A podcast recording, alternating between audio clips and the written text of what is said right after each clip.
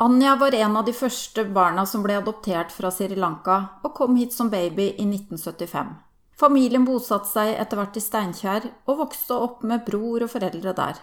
Anja har ikke vært spesielt opptatt av Sri Lanka og historien sin under oppveksten, men ble det i voksen alder. Hun besøkte Sri Lanka ved et par anledninger i tidlig voksen alder, og det trigget nok en økende interesse for å finne ut av sin egen historie.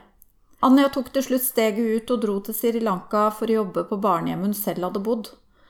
Herfra begynte informasjon og fakta å komme til syne, og Anja kunne til slutt se sin biologiske mor i øynene.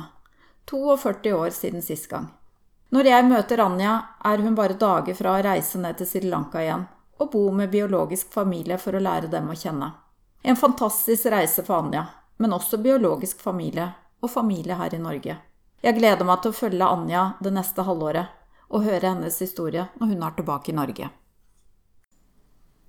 Det var ekstra hyggelig at jeg kunne komme til deg, Anja, for det er jo bare noen dager til du skal ut på en helt eventyrlig reise. Men det kan vi jo komme tilbake til. Kan ikke du ta oss litt tilbake til begynnelsen på din historie? Ja, fra når jeg kom til Norge, så Det var i 75. Jeg må huske på det riktig. Da var det en av de første som kom til Norge, eller som var adoptert, som kom eh, fra Sri Lanka. Ble adoptert fra Sri Lanka. Og da ble jeg adoptert av to norske foreldre. Eh, min mor er jo fra Vesterålen, og faren min er fra Fredrikstad. Men eh, jeg havna i Finnmark, for det var der de hadde fått seg jobb. For de var de òg. De var vel i 20-årene når de adopterte meg. Eh, og da bodde jeg vel i Finnmark når jeg bare var ja, var åtte-ni måneder når jeg kom til Norge. Så da bodde jeg bodde ikke så lenge i Finnmark, da. Eh, og så flytta vi til Trøndelag, så jeg husker ingenting fra Finnmark. Jeg var altfor ung. Og så flytta vi til Trøndelag, og det er der jeg er oppvokst. Hvor gammel var du når du kom til Norge? Eh, jeg, var vel åtte-ni måneder når jeg kom til Norge.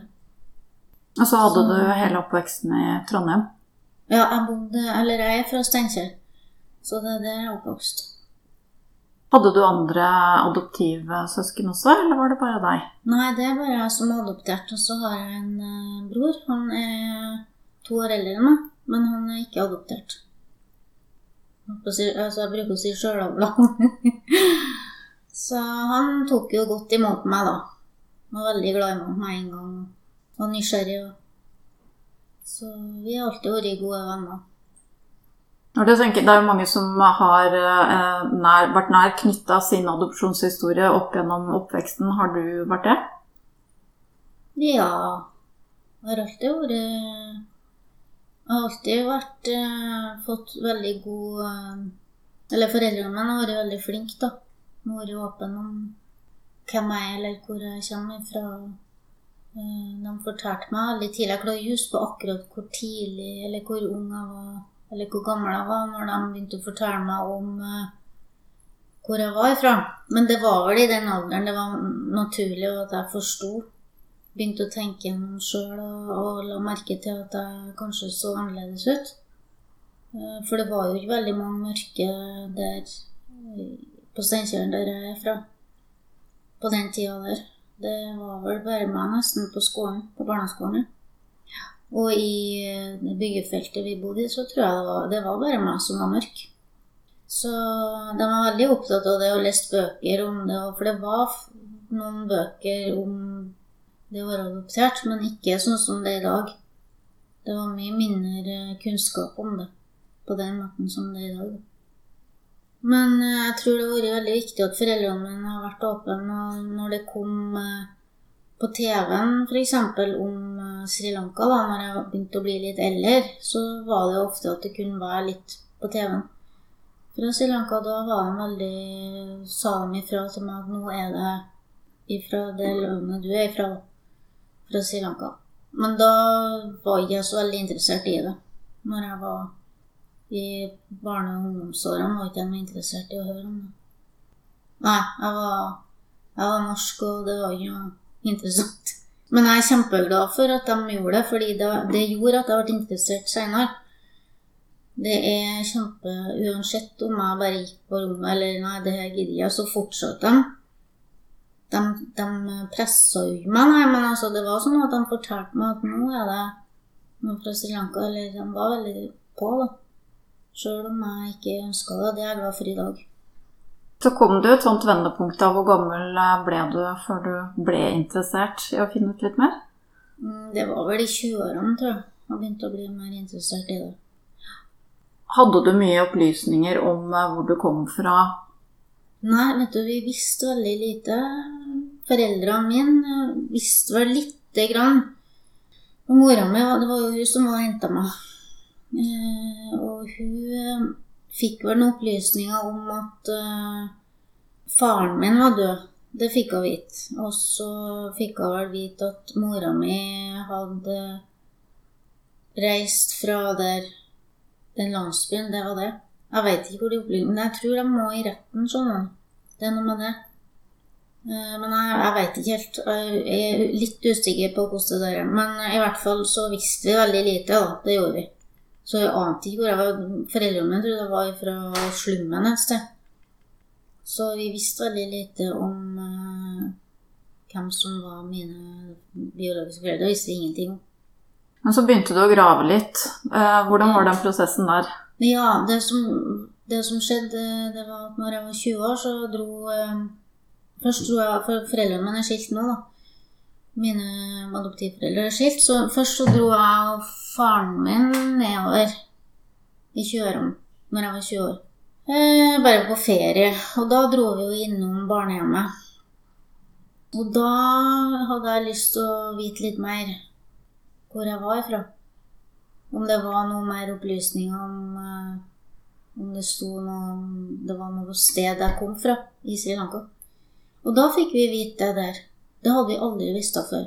At jeg kom fra en landsby som het for Vilnagama. Og da vi- eh, fikk vi en taxisjåfør til å kjøre oss dit. Eh, Og da husker jeg det, det var veldig sterkt. For når vi kom dit, så så jeg bare Det var jo så fantastisk fint. Det var frodig. Det var jo langt inne i jungelen. Det det var jo eh, Nei, det var helt fantastisk. Og det var, da, da kjente jeg bare at det her Og teplantasjer og Nei, det var veldig fint. Det var et vakkert sted. Og da når jeg gikk ut av bilen, da så fikk jeg en sånn Nei, da var det veldig merkelig følelse, altså. Det kom. Hadde ikke forventa det, vet du, at jeg var fra en sånn plass. I en regnskog langt inni Og da begynte tankene å komme, vet du, når jeg sto der. Om eh, Oi, enn om familien min er her, og enn om de ser hvem jeg er, og så gikk jeg Eller vi, vi gikk ikke ned i landsbyen da, for da var vi litt skeptiske til å, å gå ned der, fordi at uh, faren min er jo lys i huden, og jeg er mørk, og så tenkte vi det at det kan hende at det blir noen spørsmål, da.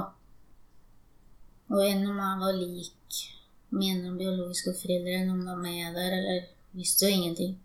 Så da bare sto vi oppå der, da, og så ut. Det var fantastisk fint. Var det en liten landsby, dette her? Det visste vi ikke, ja, fordi at en landsby den kan se liten ut, og så er den veldig svær. Det var ikke så lang tid etterpå, jeg tror det var et eller to år etterpå, så dro jeg mora mi dit. Og da Og broren min var vel med òg, tror jeg. Ja, han kom etter hvert. Og da eh, dro vi til landsbyen igjen. Men da gikk vi litt nedover der, da. Da kom vi til en tefabrikk der, og det var folk der vi tok bilder. Men vi stilte ikke noen spørsmål. gjorde vi ikke. For vi var veldig redde for at vi skulle ødelegge livet til mora mi. Eller ja, hvis du hadde fått sånn ny familie. For da visste du navn? Nei, jeg visste ikke Jo, navnet på mora mi visste jeg. Men eh, vi spurte ikke noe da. Jeg, jeg tenkte på det. Jeg hadde jo lyst, selvfølgelig. Det var sikkert noe sånn. Men det var jo ikke sånn at jeg følte at det, det her ikke var At jeg dro, jeg dro derifra og følte at eh, jeg burde ha spurt mer. Jeg respekterte det der at eh, hun, hun må ha sitt liv, og vi må ha vårt liv. Det er sånn jeg husker det, i hvert fall. Hva skjedde etter det, den reisen, da? Nei, jeg, stod, jeg tror det er veldig mange som har spurt meg om det her og sagt til meg ja, men Anja, du må jo bare Mora di vil sikkert se det. Jeg, jeg jobber jo med folk som er fra fra andre land, da. Og det her med familie er veldig viktig. Altså det er jo viktig her i Norge òg, men spesielt det er veldig viktig i, de her landene Asia og Afrika og ja. Men de er i hvert fall, veldig på og sa ja, men du må finne altså det er jo Selvfølgelig vil mora di treffe deg. Så tenkte jeg, begynte å tenke at eh, det er jo mange, det er jo mange av vennene mine og mange som jeg har møtt som ja, som jeg har blitt kjent med, som, som er norsk, som er veldig sånn Ja, men du må jo bare gjøre det. og så jeg har egentlig tenkt etter hvert at nå kanskje er det sjansen jeg må ta for å tilfelle det blir for sent. Det var vel egentlig det. At jeg begynte å føle på at nå må jeg kanskje bare gjøre det fordi det begynner å bli gammel.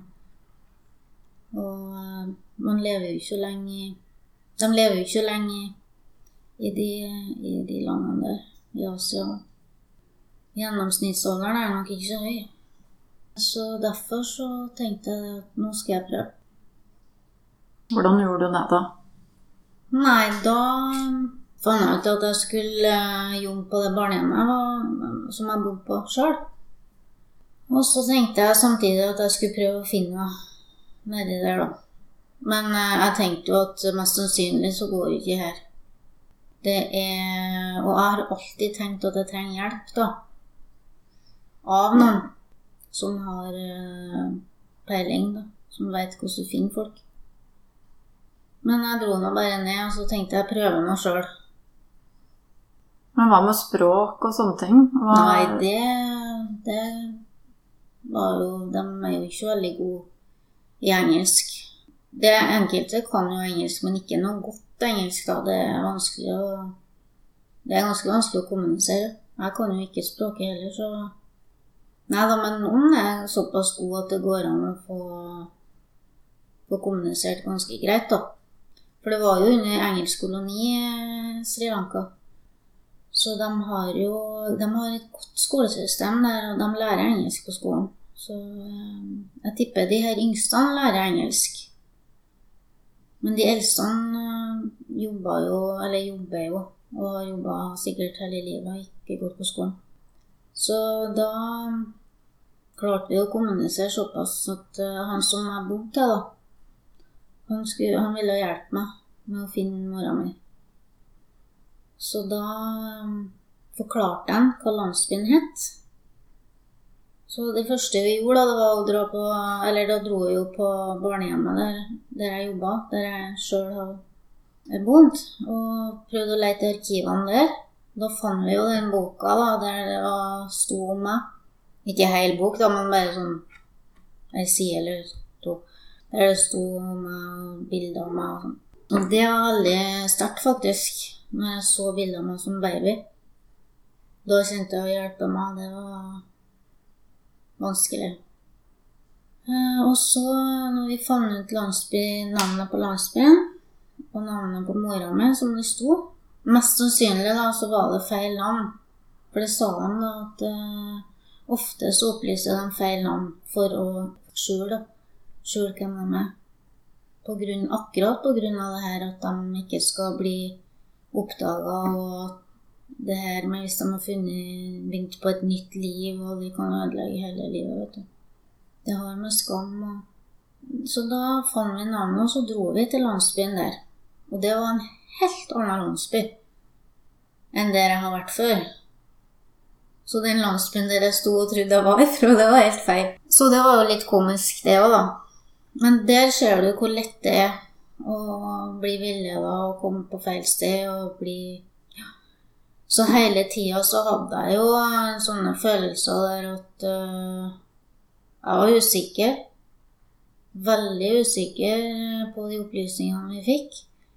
Jeg tok det bare som Jeg tok egentlig alt bare som det kom. Så bare var med på reisa, så fikk det gå som det går. Så uh, så da når vi kom til landsbyen der, så fant vi Så, så spurte vi på postkontoret der om de visste om et navn. Og det postkontoret der, det var jo bare som ei bu.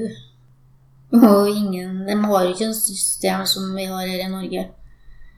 Så der var det ingen med det navnet. Eh, så dro vi på den politistasjonen da, i Gåsehøyene.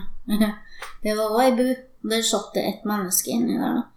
Men eh, vi var veldig forsiktige da, med at jeg skulle vise meg rundt omkring. Fordi akkurat av det at jeg, jeg kunne være lik en av mine.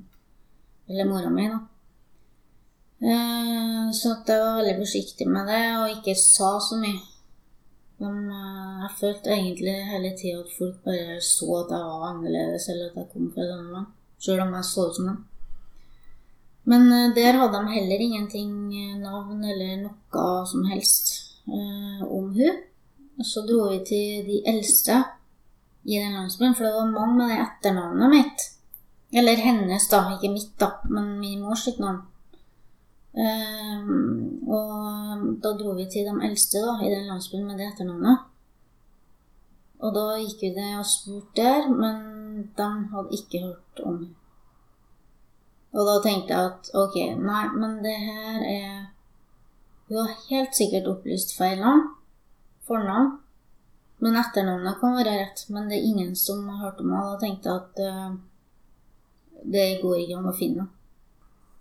Men så tenkte jeg at jeg må bare prøve mer. Jeg gir ikke opp.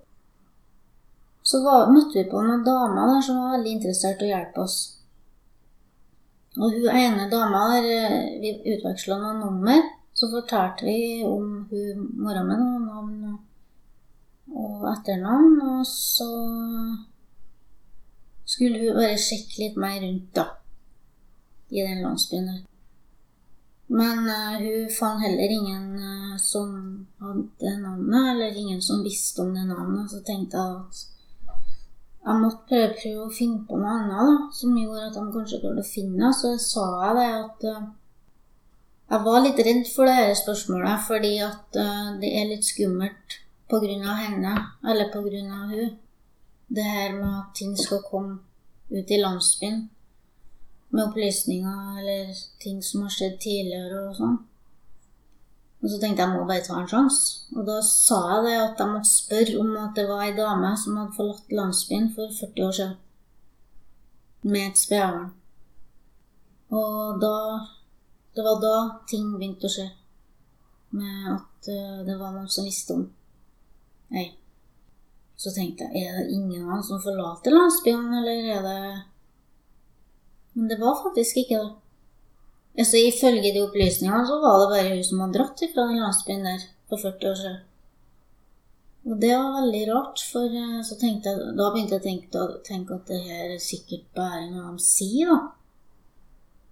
Men så tenkte jeg, men samtidig så tenkte jeg det at hvis de hadde ville prøvd å finne på noe, så hadde de jo sagt at hun var i landsbyen. Og bare funnet noen andre. Men i hvert fall så De her personene som visste om det her, da, de visste òg hvor hvilken landsby hadde reist til. Det er navnet på den landsbyen. Men det her tok jo mange dager da, imellom. Det var ikke bare én dag, og så var det sånn. Det tok ganske mange dager før før eh, de her opplysningene kom. Og så Når vi visste landsbynavnet, så tenkte vi ok, da må vi dra dit. Og så må vi høre. Men det måtte være helt hemmelig. De, det vi gjorde, da altså, De her avstandene var jo veldig lange. Ja, for det her var landsby nummer tre i et område, liksom? Ja, for at den landsbyen hun, som hun, mora mi kommer ifra, det var den landsbyen vi starta i. Og det var langt ifra der jeg var, altså der jeg bodde på det barnehjemmet, eller det jeg jobba på det barnehjemmet, så vi dro først dit. Og, det, og den landsbyen som hun da flytta fra i ettertid, den var veldig langt unna. Veldig langt. Det tok en hel dag å reise dit. Så da brukte vi en hel dag på å reise dit. Da vi kom dit, så snakka de jo med noen folk Nei, det her må jeg ha med først, for det her er litt artig. skjønner du, fordi når vi dro, vi dro først til den landsbyen, Som er utgangspunktet mm, der mora mi er fra. Og der jeg er fra, så dro vi dit først, for vi måtte ha med hun dama som hadde hjulpet oss. Og det som var litt artig, det var det at jeg visste veldig Altså, de snakka jo på sitt språk, og jeg fikk jo sikkert bare liten bit av det de prata om. Så da merka jeg jo det her med å ikke forstå, så det å miste så mye informasjon. Men når vi kom dit, så sto jo dama der og venta på oss, og sto det to menn der. Så tenkte jeg ja, skulle, hun skulle jo ha med seg dem da. Å ja, men det var sikkert greit, det. Eh, og de satte seg i bilen, og vi begynte å kjøre, da. Og så sier han da som Han som hjalp, meg fra begynnelsen av, han sier at Ja, men du, det der er onkelen til mora di, det der. Jeg bare Hæ? og så snur jeg meg, så ser jeg han ene der. Han var jo faktisk ganske lik meg. Sånn i trekkene. Og når jeg snur meg, så snur jeg meg tilbake, så sier han Du, han sier at du har veldig like øyne som mora di. Og jeg bare Hæ? Det går i an. Og det var bare så fjernt at det, det var bare sånn Nei, det her må bare være tull. Jeg trodde jo ikke på Og så kjørte vi nå til den landsbyen, da. Brukte en hel dag og kom fram dit. Så skulle jo det disse onklene da, de skulle dra opp til huset der hun mora mi bor, da, for å se om hun var hjemme. Og si det her med meg og på en måte ta det veldig sånn rolig, da. Så da gikk de opp til huset der, og da var, da var jeg skikkelig spent. Var, da hadde jeg pynta meg med sari og alt. Eh, og bare venta og venta og venta, og så kom de ned til slutt. De drev jo og sjekka sånn først da fant hvor jeg bodde og sånn, da. Eh, og når de kom ned, så sa de nei, hun var ikke hjemme. Døra og vinduet var igjen, og det var ingen her. Så tenkte jeg å herlighet, da har hun reist helt hit, og så skal vi Så bor hun der, og så skal vi på Da Bare åh. Var, da kjente jeg faktisk på det. Det var frustrerende. Og så for de litt rundt de disse eh, onklene da, og snakka med folk der og prøvde å finne ut hvor hun kunne være. da. Så kom hun tilbake og sa dem at hun, hun hadde ei datter som, eh, som, bodde i en annen landsby. Og hun kunne være borte i mange dager. Og da tenkte jeg åh, nei. Og så kom det to på scooter ned en sånn liten vei. Og da stoppa de, og så begynte de å prate sammen. Sånn. Jeg skjønte jo ingen verdens ting. Og så prøvde de å skjule meg litt og gjemme meg inni bilen, og sånn at ikke jeg skulle vise ut. da. Uh, og så forsvant de. Og så veksla de noen nummer, og så forsvant de. Og så sa de nei, vi må kjøre. Og så, så kjørte de etter, da. Og jeg visste jo ingenting. Og så plutselig sier de ja, du, det der var søstera di, da. Og jeg bare hæ? Og da tenkte jeg det der er ikke min søster, tenkte jeg, for hun der var ikke lik meg engang. Hun var ikke Det her er bare tull. Og så kjørte de, da. Etter, ja, vi skal se om vi finner finner mora mi. Og vi kjørte rundt og inn i noen smug og inn Det var noe sånn hus og landsbyer. Nei, hun var ikke noen plass. Så tenkte jeg det var merkelig at de ikke vet hvor mora er. Så tenkte jeg det er ingen som vet hvor hun er. Men det endte med at vi måtte dra derifra. Og så veksla vi nummer, så tenkte jeg at det her er bare tull. Og så det her Nei, så tenkte jeg at hvis det her er mora mi, så er det ikke sikkert du vil møte meg. Det var det jeg tenkte. Da har jeg i hvert fall sett huset, tenkte jeg. Også. Men da kjente jeg faktisk på det der at å, det var ikke noe artig. Da kjente jeg det. At det, det betydde mer enn jeg trodde. For før så Før, jeg, før alt det her, før jeg var så nære, så hadde jeg tenkt at ja, men uh, Det går greit. Men uh, det gjorde faktisk ikke det. Jeg kjente på det. Det var ikke artig. Og så dro vi bare, da. Måtte vi jo dra. Og seint på den kvelden der så kom han, han derre ja, han som er bort, og så sa han Du, nå har jeg, nå jeg snakka med de her onklene. Og de har fått tak i mora di, og hun har kommet tilbake, og hun, de hadde fortalt deg alt, sa han. Og hun hadde skrekket og skrekket og skrekket, og hun hadde sagt at det var sant, og at det var riktig, og jeg bare hjelp. Og hun vil treffe deg, sa han. Og da bare Yes! Så bare hoppa jeg, klemte han, da. Men allikevel, det var så uvirkelig, egentlig.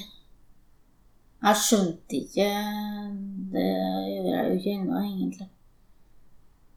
Men da avtalte vi når vi skulle treffes og sånn, og det var viktig at vi ikke treftes i den landsbyen, men at vi treftes utafor landsbyen. På en sånn plass, da. Jeg vet egentlig ikke hva jeg tenkte før jeg var spent, men Jeg hadde ikke noen forventninger, egentlig. Jeg tror bare hjernen min kobla ut den dagen vi dro for å treffe henne. Det er det som er veldig rart, syns jeg. Var det mange dager etterpå dette her? Ja, det var noen dager etterpå. Hva gjorde du de dagene? Da jobba jeg på det barnehjemmet. Jeg, jeg klarte ikke å sette meg inn i det. For det var så Det er bare så Veldig, veldig merkelig. Jeg husker når vi kom inn på den plassen, parkeringsplassen, så sto det sånn biler på sida der. Og der satt jo hun inni. Jeg så jo ikke, men det var sånn, da, var, da følte jeg at jeg var med i en sånn derre Det var en sånn mafiaopplegg. Du må bøye deg ned, og du må vise deg og sånne ting, vet du, sa de. Jeg bare hæ, hva er det her? Og så kjørte vi bare forbi, da, den bilen, og parkerte. Så måtte de gå ut og avtale når de skulle komme ut av bilen. Ikke vet jeg hvorfor. For de hadde jo visst jo at jeg var der. Men. Og da sa han nå kan du bare komme. Når hun kom ut av den bilen der, så tenkte jeg det er ikke noe tvil heller på at det er mora mi. Jeg bare visste det. Jeg bare visste at det var mora mi. Hun ble jo helt Hun knakk jo helt sammen, vet du. Hun var helt i sjokk. Var merkelig. Men jeg klarte ikke å føle ting. Jeg var bare helt uh... Det var akkurat som en fremmed menneske som sto foran meg, men hun var mora mi. Jeg syntes så synd på hun. For jeg så jo hvor vanskelig det var for henne. Bare tenk på alle de følelsene hun har hatt, eller hun har sittet inn med, og ikke har klart å Som hun ikke har kunnet fortalt til noen. For det var hemmelig, den adopsjonen? Det var hemmelig, ja. Nei, hun visste ikke at jeg var adoptert. Hun visste ingenting om det. Hun. Hun visste ikke hvor jeg var eller noen ting, for jeg har jo jeg har vært på to barnehjem, vet du. Jeg var først på ett barnehjem der hun tok meg til. Så ble jeg flytta over på et annet fordi jeg var så underernært. Så jeg holdt jo på å dø på det barnehjemmet der, så jeg ble flytta over på et annet. Og, og det visste hun ingenting om. Så hun kunne ikke dra tilbake til barnehjemmet for å Hun se hadde. Hun hadde. Jeg fikk vite det. Hun fortalte meg det når jeg møtte henne nå. At hun har prøvd å lete etter meg. Ja, Det var sterkt. Når hun sa at hun har prøvd å lete etter meg ettertid. Jeg Bare tenker på det der, og så ikke få lov å De var veldig strenge med at hun fikk gi lov å få en opplysning om det. På det barnehjemmet der. Jeg vet ikke når hun har vært og leita, hvor lang tid etter hun har vært og leita, men det vet jeg ikke. Fikk du vite litt om historien til hvorfor det ble som det ble? Det er jo på grunn av at uh, faren min døde da, før jeg var født. Så hadde hun mulighet til å forsørge meg. Hun var 17 år. bare. Du var første barn? Jeg er førstefødte. Mm. Fant du ut om det var søsteren din som var på den? Ja, det var søstera mi, men hun er ikke lik meg. Jeg, jeg, jeg tipper da at de her uh, jentene, da, eller de søstrene mine, de er nok mer lik pappaen sin. For han er òg død. Jeg tror, jeg tror ikke jeg kunne ha møtt henne hvis eh, han levde. Jeg tror ikke. Så egentlig alt passa veldig bra, altså. Ja, tidspunktet var passa perfekt. Ja. Hvor mange søsken hadde du? Jeg har fem. Jeg har to brødre, halvbrødre og tre halvsøstre. Jeg har ikke møtt brødrene mine. Dem eh, får jeg møte nå. De har òg vært, eh, vært litt redd for å Eller skeptisk, da, for å si det til de to. På grunn av det her med kultur, eller det her med, med skam Men nå vet de det, og de har godtatt det. Ja, for da antar jeg at ingen av dine søsken visste om deg? Nei, ingen.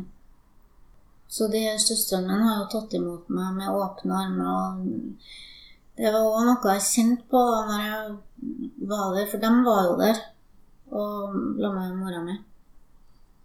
Merka det så godt. De var så glad. De skreik og tok på meg hele tida og var så glad for at jeg var der. Ja. Det var ekte, altså. Det var ikke noe tull.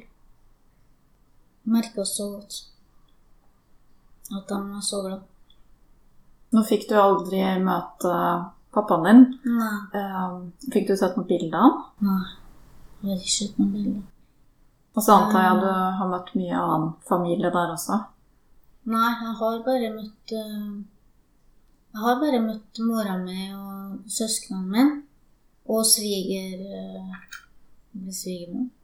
Ja, det blir det. For mannen til kona Nei, mannen til søstera mi har jeg møtt. Kjempehyggelig fyr. Han kan jo litt engelsk. De har jo vært godtatt og veldig glad. Han og skreik jo. Er Sjelden man ser menn skrike, men han gjorde det. For det er jo litt over til det vi begynte med. Du skal jo ut på denne eh, reisen nå, Mm. eh, og tilbake til Sri Lanka. Ja. Kan ikke du fortelle litt om det, Anne? Mm. Jo, jeg har jo fått veldig god kontakt med familien min. Jeg skriver jo med yngste søstera mi på Messenger hver dag. Det virker som at uh, de er veldig opptatt av meg, da. Så jeg tror nok mora mi er veldig opptatt av å ha den kontakten. For hun videreformidler jo det her videre til hun. For de sa jo til meg når jeg var der òg i november, at eh, de sa det at de, hun spør etter deg hele tida sånn, når jeg traff henne. For jeg traff henne jo en gang etter det første møtet, i tempelet. Det virker som hun er veldig opptatt av det. da. Men eh, jo, og da var det bare Det, bare, det var jo jeg tenkte på engang. Jeg bare visste at jeg skal dit og bli kjent med dem. Og jeg kjenner òg at det er sånn det en tilknytning, føler jeg, til familien. Det trodde ikke jeg skulle føle. Så du skal rett og slett ned og leve dagliglivet Ja. sammen med Mm. Jeg skal bo der i, i seks måneder. Sammen med dem. Det blir en litt annen hverdag enn jeg har i dag. Har du planlagt det lenge? Mm, det kom Altså det her at jeg hadde bestemt meg for å, å, å bo der, det tror jeg skjedde ganske raskt, egentlig. At jeg tenkte. Det var bare Ja, det skulle jeg. Så jeg har tenkt på det lenge etter jeg traff dem. Hva tenker familien din om det? Nei, de syns det er bare bra. Så mora mi kommer jo Adoptivmora mi, for nå har jeg jo to, så da må jeg jo si det. Og hun kommer i august, hun òg. To-tre uker etter at jeg kom dit, så kommer hun. Mm. Jeg skal treffe familien der. Hvordan skal du bo der nede, og hva, hva tenker du formålet med det oppholdet er, liksom? Er det kun å bli kjent, eller tenker du Nei, ja. Det er jo det her å bli kjent. Det er jo førstepri, egentlig. Det å ja, se hvordan de er. Spesielt mora mi, tenker jeg da. Jeg er veldig spent på hvordan, hvordan er hun. Hvordan er hun som menneske. Og så ja, det her å se hvordan det er å leve der. Lære nye ting. og Jeg har lyst til å lære språket òg, så prøve på det.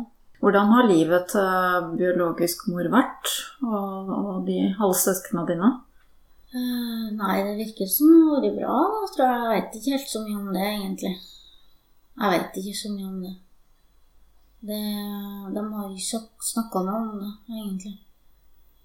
De er jo fattige, da. Det er jo Det er jo De jobber jo for penger. Men det er det du tenker med reisen, at du på en måte skal inn i deres liv? Ja. Ja, totalt. Det er det jeg skal. Man må leve som dem og gjøre som dem. Man må jo respektere deres måte å leve på.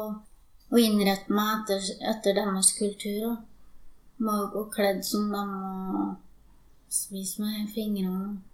Dusje i De må jo dusje, da. Da fikk jeg et bilde av mora mi når hun står og vasker seg med sånn sari på. Og det er jo det er jo Vannet kommer ut ifra sånn uh, rør ut.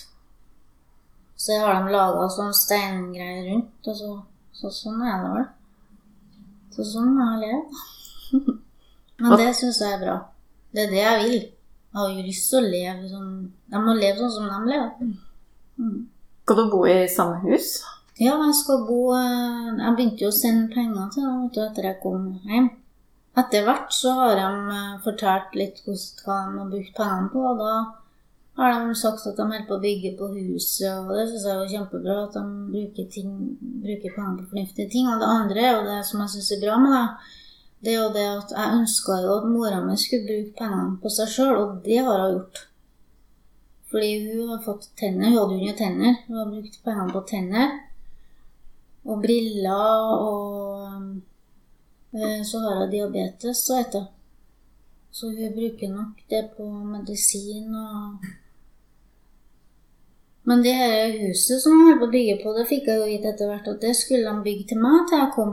Så det var jo helt uh, utrolig rørende, egentlig, at de tenkte på det. Det ble artig å se, da. Hvordan det er. Og så skal du dokumentere alt dette her Mm. underveis. Ja, jeg skal jo filme det sjøl, og så skal NRK redigere det, da, så jeg har eh, dialog med dem jevnlig, da. Så får vi se om det blir noe film av det. Men de, skal, de veileder jo meg òg, da. De kommer til å si hvis det er ting eh, som de vil ha mer, eller hvis det er ting som ikke er så interessant. Så Blir det en slags dokumentar? Eh, jeg tror det blir en sånn serie. Natt-TV-serie, som jeg forstår. Mm. Spennende. Mm. Det blir det. Det blir jo veldig lærerikt for meg òg. Å lage sitt eget. Selv om de redigerer det og bestemmer hva de skal ha med, så, så er det jo mitt Det er jo jeg som har filma det. Det blir litt spesielt, det òg. Hvordan tenker mammaen din å møte biologisk mor? Hun gleder seg veldig. Det er det hun har sagt. Hun eh, sier at hun gleder seg som en unge til å treffe henne. Det blir nok veldig Det blir nok veldig emosjonelt. For hun skal også bo sammen med dere en periode, i hvert fall. Hun skal ikke bo i landsbyen. Det skal hun. Hun skal bo eh, Det tror jeg kan bli litt mye. Men hun skal bo eh, litt utafor, og så Hun og han kjæresten de skal reise litt rundt og sånn òg. Men hun skal invitere alle på restaurant. Så hele familien er invitert på restaurant. Har de vært på restaurant før? Det vet jeg ikke. Men de er veldig glad for det, da. Jeg tror de har forstått hva jeg har skrevet, så jeg har skrevet at de er invitert. Eller at min mor, da, norske mor, Hadde du trodd for ti år siden at du skulle sitte om noen dager nå og tilbringe seks måneder i Sri Lanka? Nei, det hadde jeg aldri i verden trodd. Det her er Vet du, jeg skjønner det ennå ikke at jeg Det er mange ganger jeg ser på bilder av mora mi, så tenker jeg det, det, det er rart. Er det der mora mi? Hun er veldig lik meg, altså. Det går ikke an Hun er så lik, vet du, at det Jeg har jo sett bildet av henne. Eh, Jeg Mm. leste jo første gang om deg i Romerikes Blad. mm. Og det var vel etter du var der eh, første gangen og traff henne. Mm. Mm. Eller det var også litt sånn i forkant av det du, prosjektet som du skal ut på nå. Ser at det er uh, biologisk likheter der, ja. Gjør det. Ser det. Og kinnbeina og Hvordan er det å møte det? For jeg tenker på sånn som du sa eh, Når du vokste opp, så var du den eneste som var mørk i huden der du vokste opp. og sånne ting. Hvordan er det for deg nå i voksen alder å kunne speile seg i noe som er lik deg? Jo, vet du, det Jeg har aldri Jeg har sikkert vært litt opptatt av det når jeg var i den alderen, men det Når jeg var i tenårene, sikkert Hvorfor ikke jeg lik noen, eller Jeg har sikkert tenkt gjennom det òg. Jeg har jo tenkt utrolig mye. Jeg tenker jo hele tida, men Men eh, det hadde jo gått over etter hvert. Jeg tenkt så mye over det og jeg har akseptert det og har tenkt at næsj, det er nå bare sånn det er. Men når jeg så likheten mellom meg og mora mi, hjelpe meg Jeg visste ikke at det skulle bety så mye.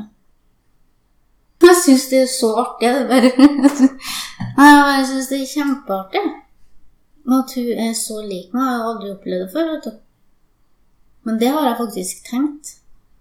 Jeg har alltid følt at hun har vært lik meg. Jeg vet ikke om det er noe sånn ønsketenkning, men jeg har i hvert fall bare følt at, jeg, at hun har vært det. Det her var veldig rart, for jeg når jeg var unge, og jeg har alltid gjort det, men spesielt når jeg var ung, eller barn og ungdom Jeg var så glad i frukt, men jeg har alltid vært glad i frukt. Men jeg har spist så mye frukt hele tida, så foreldrene mine måtte jo gjemme bort frukt. Kunne spise en kasse epler uten noe problem. Og da har jeg etter hvert tenkt at det må være mora mi må ha spist mye frukt under svangerskapet. Det sa hun når jeg var der nå. Hun sa det uten at jeg spurte henne, men hun sa at hun hadde spist frukt under svangerskapet. Og da skjønte jeg jo det at det jeg hadde tenkt, var riktig, da. For det var ekstremt alt året. Ekstremt bra. Så det var jo bra, det. var Det er jo ikke noen dum ting, det. Sa hun noe via de andre som var der nede, om hvordan hun opplevde det å se deg igjen etter så mange år? Jeg tror hun var sjokk, bare. Jeg tror ikke hun klarte å si så veldig mye, men det sa hun. Ellers så sa hun ikke så veldig mye, du. Den gangen hun flytta fra landsbyen og til den andre, eh, var det på en måte for å begynne på nytt? Det tror jeg nok det var. Helt sikkert. Garantert. Det er jeg helt sikker på at det var. Men fordi jeg tenker på én ting er hvis du på en måte er alene og får et barn Men det var jo på en måte en pappa inne i bildet selv om han døde. Men var det ikke akseptert det heller? At hun ble alene med et barn? Jeg skjønner at ikke hun kunne ta seg av det, men var det like skambelagt? Jeg vet egentlig ikke om det er skambelagt. Altså, det er jo, det er jo henne. Altså, det her med ulykka der, det er jo tragisk. Altså, det er jo forferdelige ting. Og det, det, er jo, det er jo ingen kan gjøre noe med eller til. Det er jo bare sånn det. Så om det er skambelagt, at noen dør og hun blir igjen med et barn, det vet jeg ikke. Men det virker jo nesten sånn da, i og med at uh, hun er nødt til å gjøre det hun gjør. Hun hadde jo ikke klart å, å forsørge meg uansett. Det tror jeg ikke. Uh, og hun hadde i hvert fall ikke klart å få en ny mann med meg. Men det, jeg vet ikke, men det virker jo nesten sånn da, i og med at det skal være så hemmelig alt. vet du. Men disse to onklene som plutselig var med, hadde de noe formening om at du en gang ble født, eller var det også sånn helt hemmelig? De visste, tror jeg. Det virka sånn. At de visste. For de må jo ha visst det. Altså foreldrene må jo ha visst det. Begge besteforeldrene mine er jo døde, da. Det fikk jeg vite. Men de må jo ha visst hva som har skjedd. Det, det mener jeg at de sa, altså. At de visste.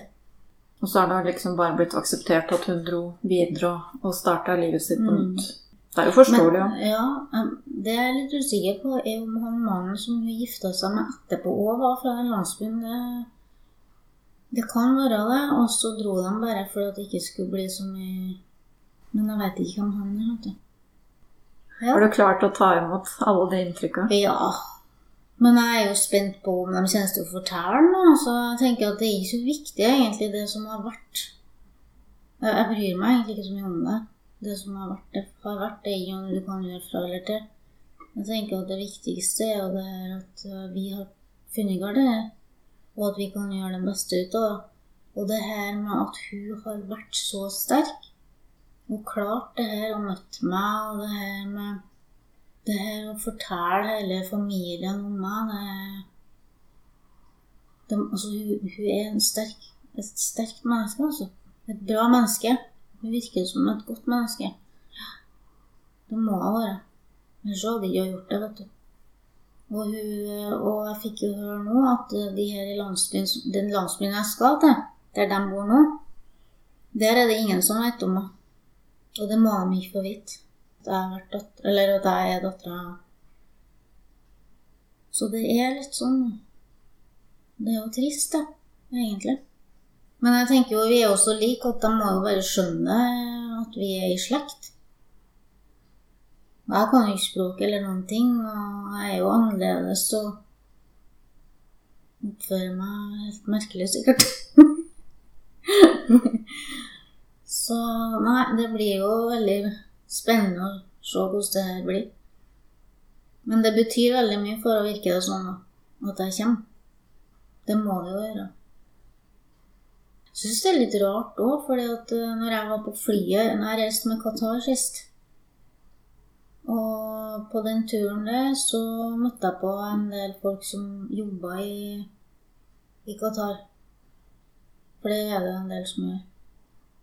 Og um, de fortalte meg det her med Det var veldig mange det var sånn, veldig mange som fant eh, tilbake til Eller noen fant jo ved hjelp av folk i Sri Lanka, da, som dreiv på med det og leita etter folk.